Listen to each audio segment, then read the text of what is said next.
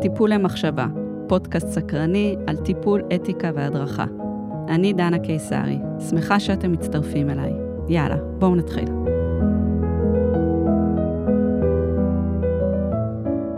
היי, hey, איך אתם? אני מקווה שאתם שמורים ומוגנים ככל האפשר בימים אלו. את הפרק הזה אני מקליטה בנקודת זמן מאוד לא פשוטה. בתחילת נובמבר, באמצע מלחמה. כמעט ארבעה שבועות עברו מאז אותה שבת שחורה. הכאב העמוק, הפחד והחרדה, הטראומה ואי-הוודאות מלווים אותנו אישית ומקצועית מדי יום, מדי רגע.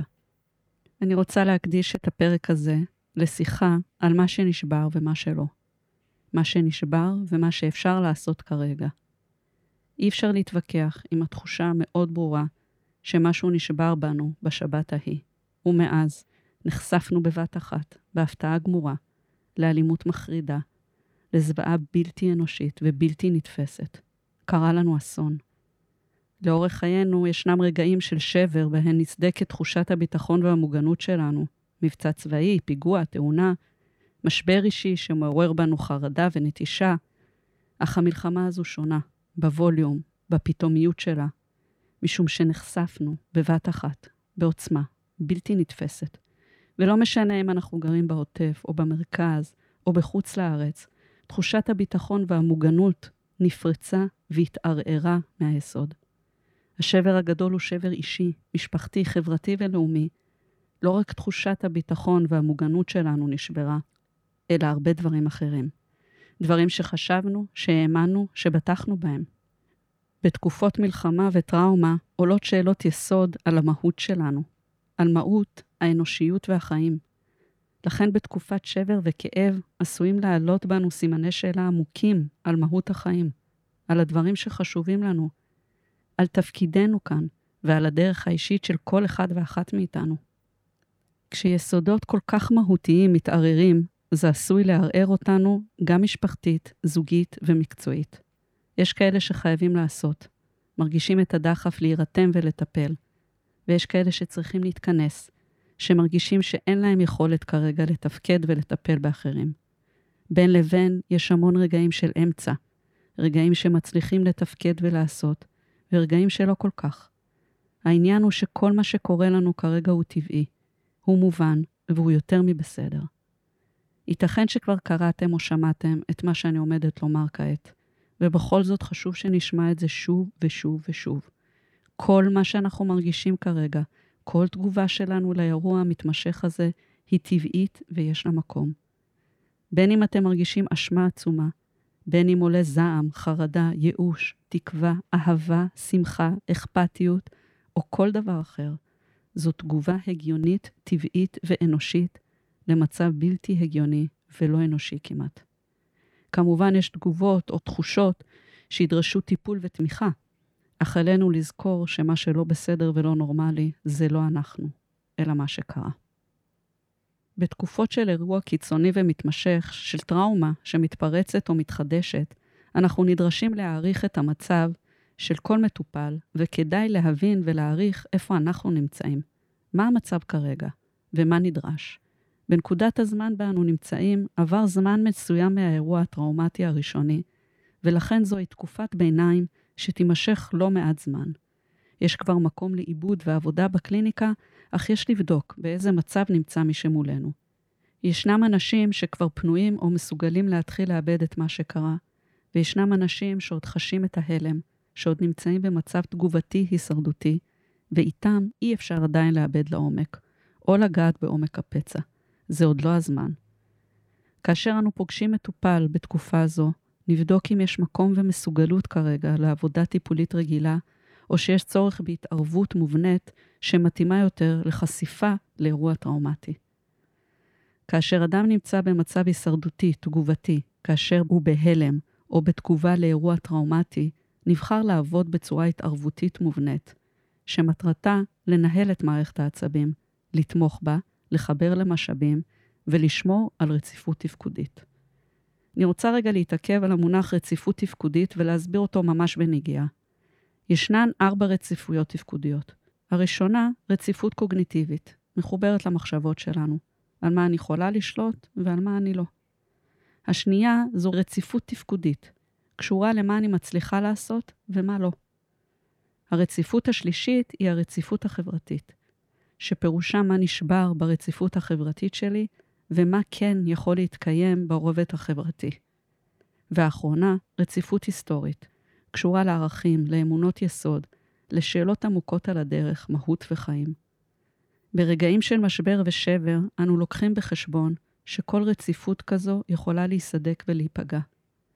המטרה בהתערבות טיפולית לאחר טראומה היא לתת מקום לקושי ולכאב, ובמקביל לנוע למשאבים ולתמיכה שמשמרים או משקמים רצף תפקודי שנפגע.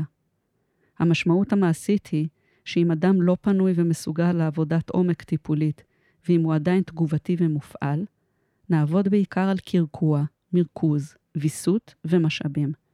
נעבוד כדי לתמוך, לחזק, לווסת, להתחבר למשאבים ומקורות כוח, להתקרקע ולהיטען.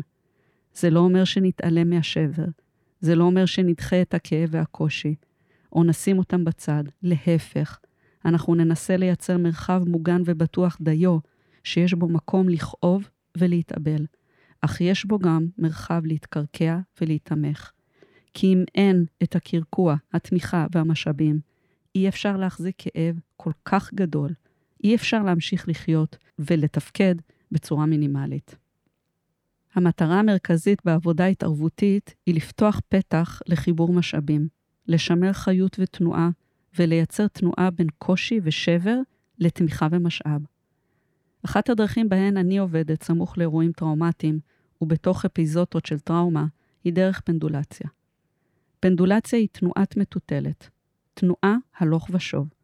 בגישות רבות של עבודה עם טראומה משתמשים בעבודת פנדולציה, ורותמים אותה לעבודה התערבותית בתקופות משבר, שבר וטראומה, כמו התקופה הזו בדיוק. איך זה עובד ומה זה אומר?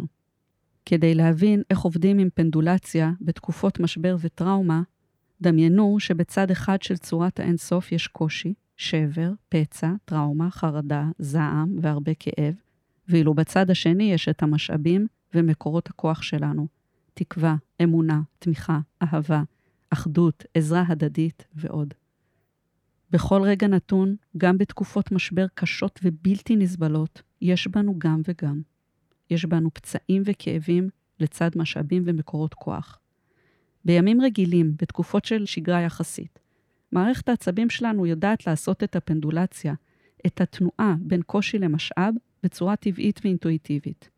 אך בתקופות שבר ומשבר, בתקופות בהן הטראומה פעילה ובשיאה, אנחנו לא מצליחים לעשות את התנועה הזו של ויסות, של מעבר מקושי למשאב, של שמירה על רצף תפקודי, ולכן העבודה שלנו היא התערבותית יותר. המשימה שלנו, בין אם זו עבור המטופלים שלנו ובין אם זה עבורנו, היא לנהל את מערכת העצבים ולעבוד איתה באופן אקטיבי. מה זה אומר לגבינו כמטפלים כרגע? דבר ראשון, אם לא אפשרי או מוקדם מדי, אנחנו לא צוללים לעומק ולמקור הכאב. זה עוד לא הזמן. דבר שני, זה אומר שאנחנו עושים סוויץ' בראש. והופכים פחות פסיביים ויותר אקטיביים בהתערבויות שלנו. אני קוראת לעמדה הזו להיות קואוצ'רית של ויסות, להיות קואוצ'רית של מערכת העצבים. לשים לב, למפות, לבדוק, לבחור ולנהל את זה. איך זה נראה בפועל?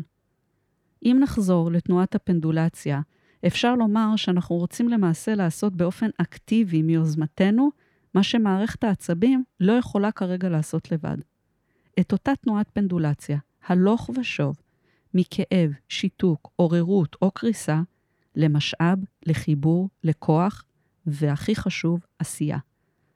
אנחנו נעשה את זה במנות קטנות מאוד.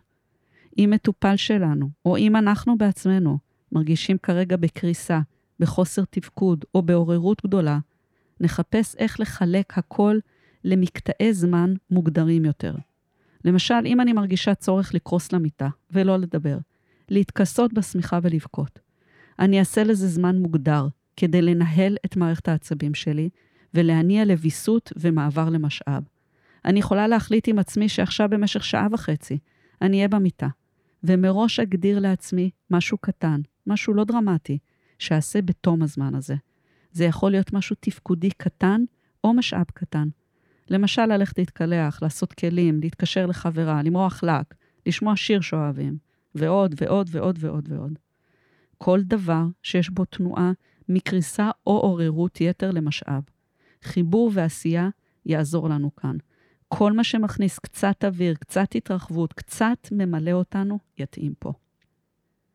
זכרו, חשוב לבחור ולהחליט על משהו ספציפי, קונקרטי. זה לא חייב להיות משהו דרמטי וגדול, זה בהחלט יכול להיות משהו פשוט וקטן, אבל הוא חייב להיות קונקרטי, מעשי. כדי להבין מה אפשרי לי או למטופל שלי כרגע, אני צריכה קודם כל למפות ולהבין מה נשבר. איזה רצף תפקודי נשבר, ומה כן עובד ומתאפשר כרגע. לפעמים התנועה מקריסה או קושי תהיה לעבר משימה או עשייה שחייבת להיעשות. למשל, להוציא ילד מבית ספר. זה לא בדיוק משאב לכולנו, אבל זה כן משהו שחייב להתקיים, ולכן אנחנו נבדוק איך לייצר מסגרות זמן שמאפשרות גם וגם. איך לייצר תנועת פנדולציה בתוך היום והלילה שלנו. כאשר יש קריסה או עוררות ודריכות שלא מאפשרות לתפקד, גם משימות הכרחיות ויומיומיות עוזרות לשמור על רצף תפקודי ולייצר חלונות של תנועה. עבודת הפנדולציה, התנועה היזומה מקצה לקצה והשיח הפנימי המנוהל מייצרים תחושה של שליטה בתקופה בה יש אובדן שליטה. עבור רבים התקופה הזו מעלה תחושות של אובדן שליטה וחוסר אונים. המציאות ואי-הוודאות קשות ממש. על ידי ניהול הפנדולציה, אנחנו מחזירים לאט-לאט את חוויית היש לי מה לעשות. יש כמובן דברים שאין לי עליהם שליטה כרגע, אבל יש דברים שיש לי עליהם שליטה. כדי שעבודת הפנדולציה תהיה יעילה ומיטיבה, יש שני אלמנטים שיכולים לעזור ולחזק אותה. האלמנט הראשון הוא לצייר את הפנדולציה. אפשר לצייר סימן אינסוף רחב ולעבוד איתו בעצמנו או עם מטופלים. הציור מסייע לנו להבין את התנועה ולדמיין אותה, וגם להבין מה נמצא בקצוות וממה למה אנחנו נעים. בצד אחד של האינסוף, משהו אחד שקשה לנו איתו כרגע. זה יכול להיות עייפות, חרדה, לא בא לי לצאת מהמיטה. זה יכול להיות עצב, ייאוש, זעם, אבל, הלם, דריכות. משהו אחד, ספציפי, שמורגש מתוך מה שקורה כרגע ומקשה על התפקוד. בצד השני, נכתוב משאב שזמין לנו או משימה קטנה שאנחנו כן מסוגלים לבצע כדי לשמור על רצף תפקודי. למשל, לקרוא עמוד בספר, להפעיל מכונת כביסה, לאסוף ילדים ממסגרת, לראות פרק בסדרה שאני אוהבת, לעשות יוגה במשך חמש דקות, ועוד ועוד ועוד. אפשר לכתוב משאב כללי שאינו פעולה, כמו למשל הילדים שלי, ריצה, כתיבה, שמחה, אהבה, משהו שאני יודעת שהוא משאב עבורי.